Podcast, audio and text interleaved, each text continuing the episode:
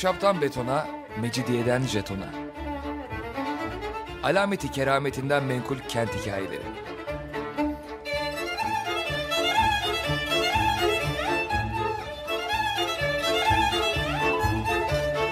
Hazırlayan ve sunan Pınar Erkan.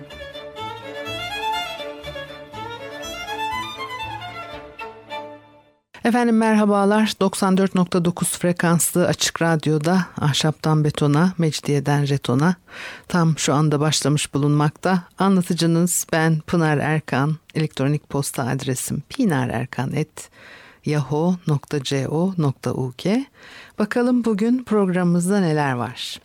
Şimdi tabii hep e, günümüzün e, anlayışı, bakış açısıyla e, zaman zaman e, e, tekil binalar üzerinde, zaman zaman e, kent üzerinde ve işte toplumsal hayatla ilgili bir takım bilgiler ben size aktarmaya çalışıyorum.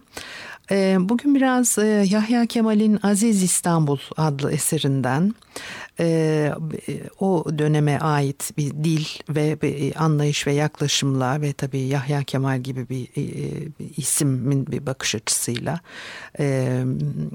şehir nasıl e, tanımlanıyor? Bu eseri çok meşhurdur biliyorsunuz. E, ondan bir e, e, kısım kısım atlayarak e, bazı bölümleri size e, aktarmak istiyorum. İstanbul'un tabii ilk alındığı Bizans devrinden sonra 2. Mehmet tarafından e, Osmanlı topraklarına katıldığı devirle ilgili bir takım tabii e, bilgiler aktarılıyor ve Yahya Kemal'in e, ifadeleriyle İstanbul fethedildiği zaman çok harap bir şehirdi. Esasen Bizans payitahtını 1204'te Latinler yani Fransızlar ve İtalyanlar içeriden ve dışarıdan zapt ederken ve zapt ettikten sonra hala yad edilen emsalsiz bir hınçla yakmışlar, yıkmışlar. Üstelik Bizans İmparatorluğu'nun arazisini aralarında taksim etmişler. Onun yerine kurdukları Latin İmparatorluğu'nu yaşatacak bir e, gelir menbaı bırakmamışlar. Şehirde kaldıkları 57 sene zarfında bir imar veya tamire muktedir olmamışlar. Zaten öyle bir şey düşünmemişler ve kaybettikleri zaman e, şehri berbat bir harabe halinde bırakmışlardı. Türklük lehinde ve Franklik e, aleyhinde zerre kadar mübalağa olmaksızın denebilir ki eski Bizans payitahtı işte o zaman yıkılmış ve soyulmuş muhteşem bir şehir olmaktan çıkmıştı. Türkler 249 sene sonra İstanbul'a girdikleri zaman bir virane bulmuşlardı. Yanmış ve yıkılmış semtler, devletin ve halkın fakirliği yüzünden öyle hali bırakılmışlardı. Soyulmuş kiliseler çıplak bir halde bulunuyordu. Hatta yeni cülus eden kaiserlerin yahut yeni seçilen patriklerin şerefine Ayasofya'da yapılan ayinlerde mantoları ve taçları mücevherden görünmez olması Bizans ananesince zaruriymiş. Halbuki hazineler tam takır kaldığından bu manto ve taçlara çarşıdan toplatılmış harcı alem sahte mücevherler takılırmış. İşte Türklerin e, zapt ettikleri payitaht bu haldeydi. Fatih Vilaherna Sarayı'nı oturulmaz bir halde bulduğu için kendisine yeniden kışlık ve yazlık iki saray yaptırmıştı. İstanbul'un fetihten sonra hali ve viran manzarası şehrin umumi planı üzerinde Fatih'i bile e, yanıltmış Kışlık Sarayı'nı Bayezid Camii, üniversite ve tabii işte e, Süleymaniye'de bulunan geniş sahaya, Yazlık Sarayı'nı da karadan surları zamanımıza kadar kalan Sarayburnu sahasına yaptırmış. Ancak şehir Rumeli'den ve Anadolu'dan getirilen halkla az zamanda dolmuş, yeniden canlanmış, eski saray denilen Kışlık Saray'ın o zaman mevcut olan surları halkın bir taraftan bir tarafa geçmesini güçleştirmiş. Fatih'in oğlu ve halefi 2. Bayezid devrinde bu hal herkese sıkmış. Padişah da bizim Topkapı adını verdiğimiz ve eskilerin Yeni Saray dedikleri Fatih'in yazlık saray olsun diye yaptırdığı saraya taşınmış. O vakitten ta Abdülmecit devrine kadar bu yazlık saray padişahların esaslı ve daimi sarayı olmuş. Osmanlı tarihinin en mühim kısmı da orada geçmiştir. İkinci Bayezid Yeni Saray'a göç ettikten sonra kendi namına bir cami yaptırmayı murad edinmiş. Eski sarayın Marmara'ya doğru inen kısmının en iyi bir saha olacağı düşünülmüş. Cami, medreseleri, imareti ve mezarlıklar oraya kurulmuş. Kanuni Süleyman kendi zamanına bir cami yaptırmayı istediği zaman da eski sarayın Halice bakan arka sahası ayrılmış. Süleymaniye bütün mimari manzumesiyle oraya kurulmuş. Eski saray bir defa daha küçülmüş. Lakin milli ihtiyacın çıkardığı bu değişiklik yüzünden şehrin ortasında manzara e, başkalaştığı gibi devirler geçtikçe saray hayatında da hükmü uzun süren bir e, anane yerleşmiştir. Yeni saray padişahın daimi yerleştiği bir saray olunca eski saray bir devir evvelki harem takımının çıkarıldığı ve e, mahfuz tutulduğu bir e, saray olmuştur. Padişahların hareme kapandığı devirlerde başlayan bu ananeye göre bir padişah ölünce ve yerine kardeşi yahut yeğeni geçince ölen padişahın haremleri daireleriyle eski saraya naklolunurlar ve orada itina ile mahfuz tutulurlardı. Aynı günlerde yeni padişahın eski sarayda mahfuz olarak yaşayan validesi parlak bir alayla oradan çıkarılır, yeni saraya getirilir. Vaktiyle kocası zamanında gördüğü ikbale bu defa oğlu devrinde tekrar kavuşurdu. Her cülusta bu anneannenin hükmü 200 seneden fazla icra olunmuştur. Bu anneanne ancak 1826'da Vakayı Hayriye'de sona ermiş. Eski saray ilga edilmiş. Yeri yeni kurulan ordunun seraskerlik makamı ve daireleri olmuştur. Abdülaziz devrinde Müşir Namık Paşa bu binaları tamamıyla ortadan kaldırarak Babı Saraskeri'yi bina etmiştir. Bu değişiklikler yüzünden Fatih'in İstanbul'da bina ettiği ilk sarayın kitaplarda okuduğumuz satırlardan başka bir hatırası kalmamış ve enkazı kaldı ise toprak altında kalmıştır. Fetihten sonra e, İstanbul'un imarı hemen başladı. O devirde harp ne kadar sürekli olmuşsa imar da o kadar sürekli olmuştur. Bursa'yı ve Edirne'yi Türk üslubunda yaratan imar kudreti bu defa İstanbul'da göründü. Bizans'ın kurduğu şehir sur e, çerçevesi içindeki şehirdi. Bu çerçeve içinde de mimarisi ihtişamlı iki büyük kilise vardı. Biri Ayasofya, biri de Mukaddes Havariler Kilisesi. Diğer kiliseler bunlara nispetle küçük eserlerdi. Nitekim bazıları muhafaza edilmiş bazıları yıkık bir şekilde hala durmaktadır. Türkler büyük bir eser olarak yalnız Ayasofya'yı buldular. Onu 2. Selim ve Sokoğlu Mehmet Paşa Mimar Sinan'a mükemmel bir şekilde tamir ve takviye ettirdiler. Etrafını kaplayan tufeli yapıları yıktırarak ortaya çıkardılar. Bugüne kadar gelen şekliyle bıraktılar. Mukaddes Havariler Kilisesi Fetih'te bir viraneydi. Bizans'ın meşhur hipodromu yıkılmıştı. Harabesi bir taş ocağı gibi kullanılıyordu.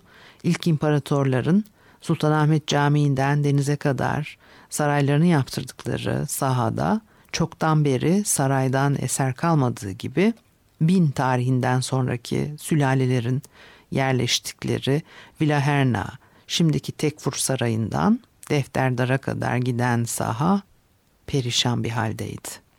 En son sülale paleologlar Bizans İmparatorluğu'nun yıkılmış, taksim edilmiş, gelirsiz ve fakir bulmuşlardı. Şüphesiz ki bu hal daha ziyade bundandı. Osmanlı Türkler İstanbul'u yalnız bir sur çerçevesi içinde değil, çok daha geniş mikyasta bir çerçeve içinde imara koyuldular. Yalnız sur çerçevesi içinde Fatih, Bayezid, Sultan Selim, Şehzade, Süleymaniye, Mihrimah Sultan, Sultanahmet, Valide camileri Türk mimarisinin halis ve kudretli olduğu devirlerde yapılmış. Bu şaheserler gene bunlarla aynı devirlerde yapılmış vezir camileri daha küçük mikyasta, diğer şaheserler imarın Bizans İstanbul'una adetçe faik olduğunu gösterir. İstanbul'u e, çok daha geniş bir e, mikyasta almak bahsine gelince İstanbul'da fetihten sonraki milli hayatiyetin yaratıcı kudretin manzarası burada görülür. Boğaziçi iki sahil boyunca köy köy, Kavaklardan Marmara'ya kadar yalı mimarisiyle süslenmiş, yeryüzünde yalnız kendine benzer başka bir şehir olmuştur. Üsküdar mahdut bir kasaba olan Krisopolis olmaktan çıkmış, camileri ve saraylarıyla İstanbul'un karşısında ona benzer bir şekil almış, sahilden Çamlıca Tepesi'ne kadar yükselmiştir. Eyüp bir sütçü köyü iken Fethin ruhani hatıralarının etrafında milli mimarinin bütün güzellikleriyle bezenmiş, zamanla genişledikçe genişlemiş, ölümü güzel gösteren, nazirsiz bir ölüm şehri mertebesine ermiştir.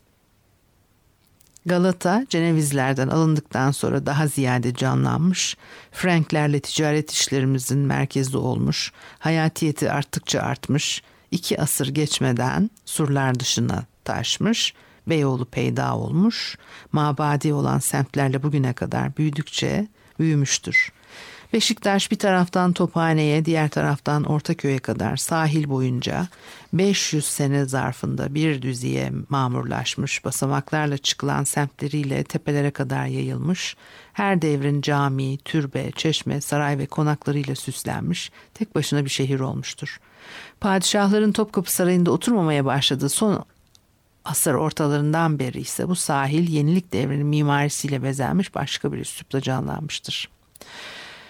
Eski devirlerde Kasımpaşa'dan Kara Ağaca kadar, yeni devirlerde Kadıköy'ünden Maltepe'ye kadar, Bakırköy'den Yeşilköy'e kadar haykın yayılmasını ve yerleşmesini zikretmek gerekir. Teslim alınan münkariz İstanbul'un dar sahasıyla Türk İstanbul'un bu geniş sahası ne kadar farklı. Bu büyük çerçeve içinde 500 sene zarfında kaç defa zelzeleler, yangınlar, güzellikleri tahrip etmişti. Türk İstanbul bu afetlerden sonra kaç defa bir daha dirilmiş, yıkılan mimarisini bir daha tamir etmiş ve eski semtlerini bir daha yaratmıştı. Zaman mesafesinde bu hadise halkın sürekli hayatiyetini ne kadar gösterir. Evet, şimdi bir müzik arası verelim ondan sonra devam edelim.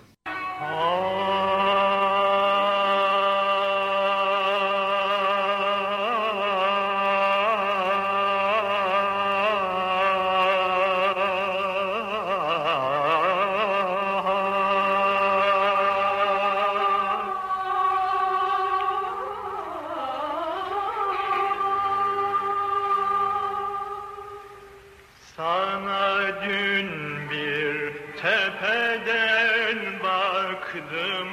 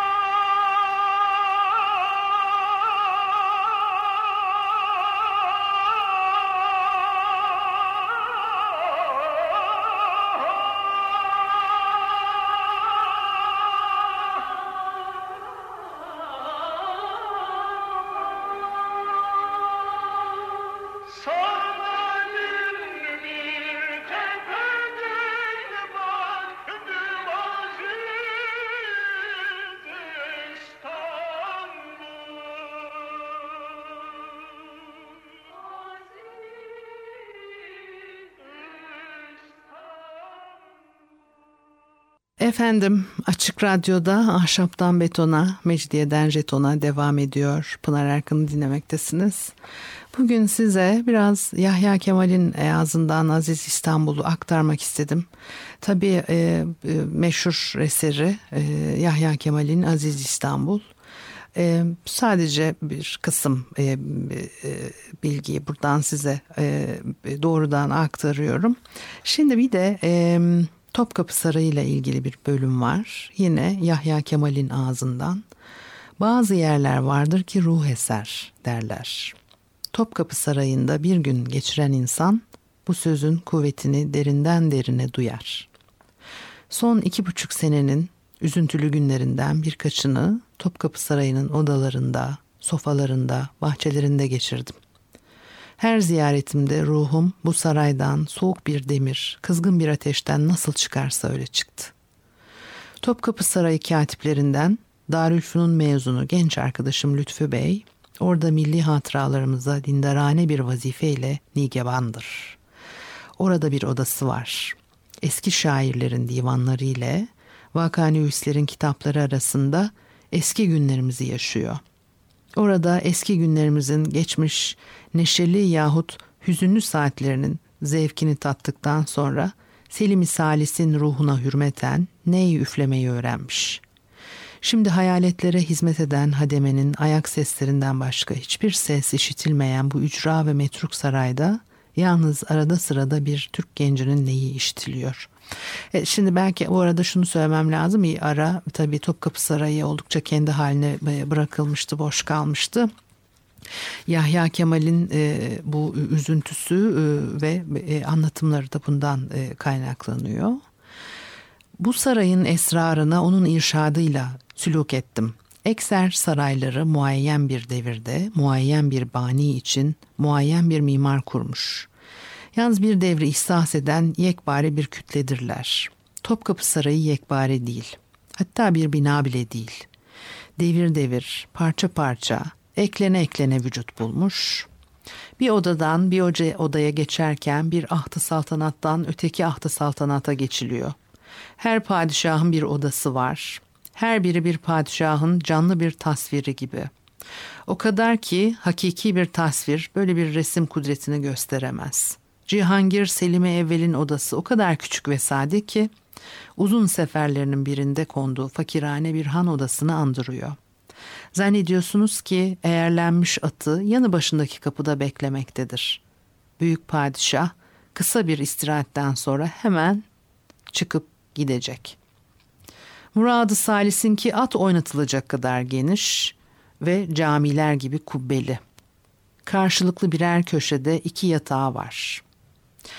Mehmeti Rabi'ninki kuytu ve hürmet hissi veriyor. Selim-i Salis'in Halice Nazır bir boydan bir boya giden ışıklı dairelerinde ayna, kadife, canfes ve bahardan mürekkep bir hatıralı havası var.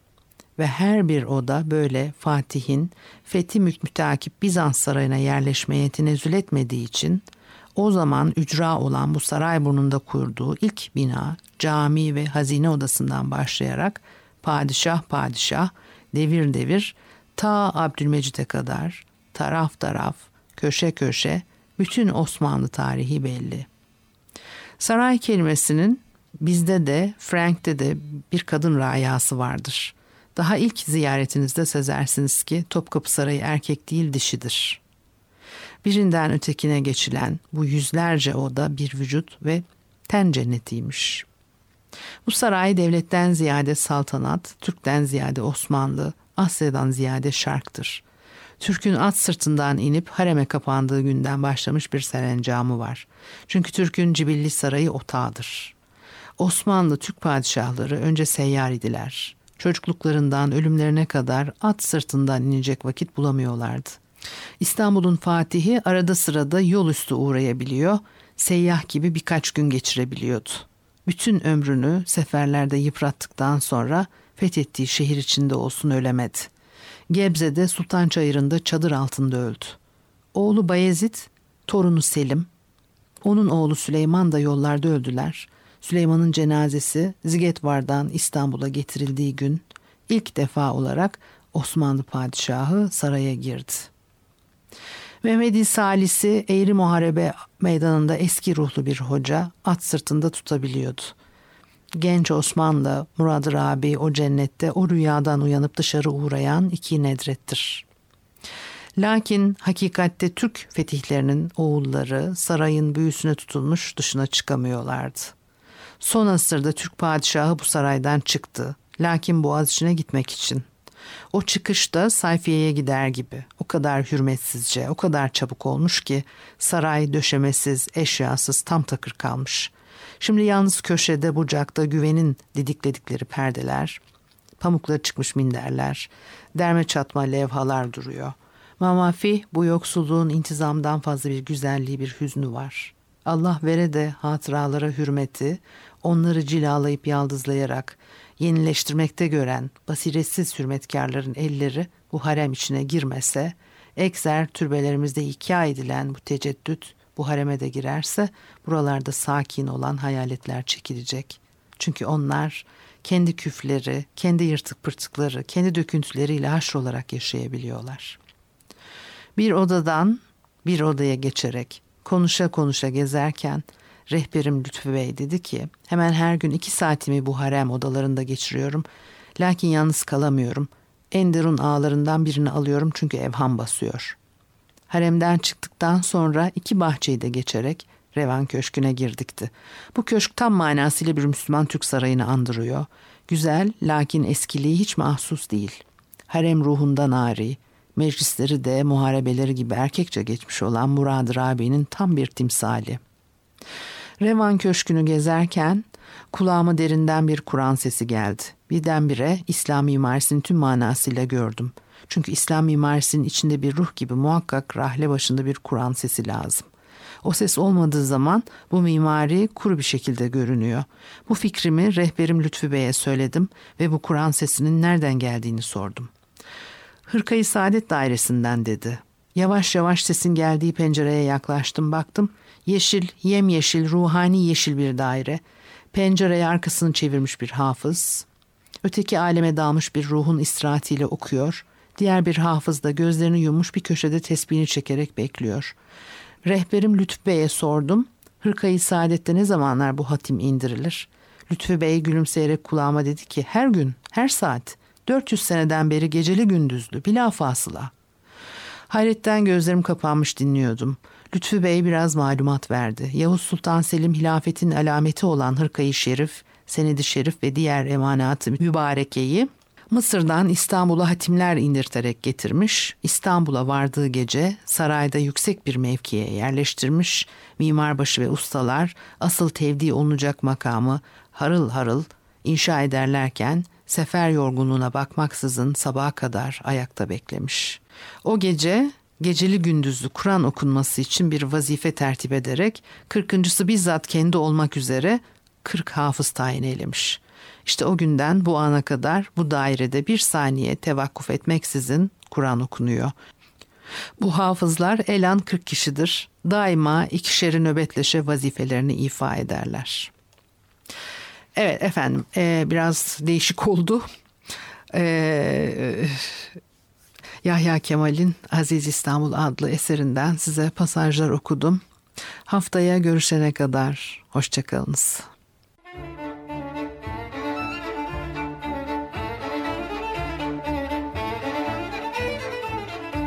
Ahşaptan betona, mecidiyeden jetona. Alameti kerametinden menkul kent hikayeleri.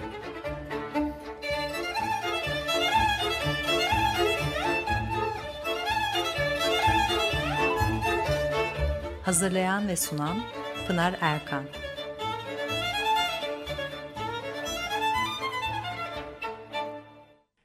Açık Radyo program destekçisi olun. Bir veya daha fazla programa destek olmak için 212 alan koduyla 343 41 41.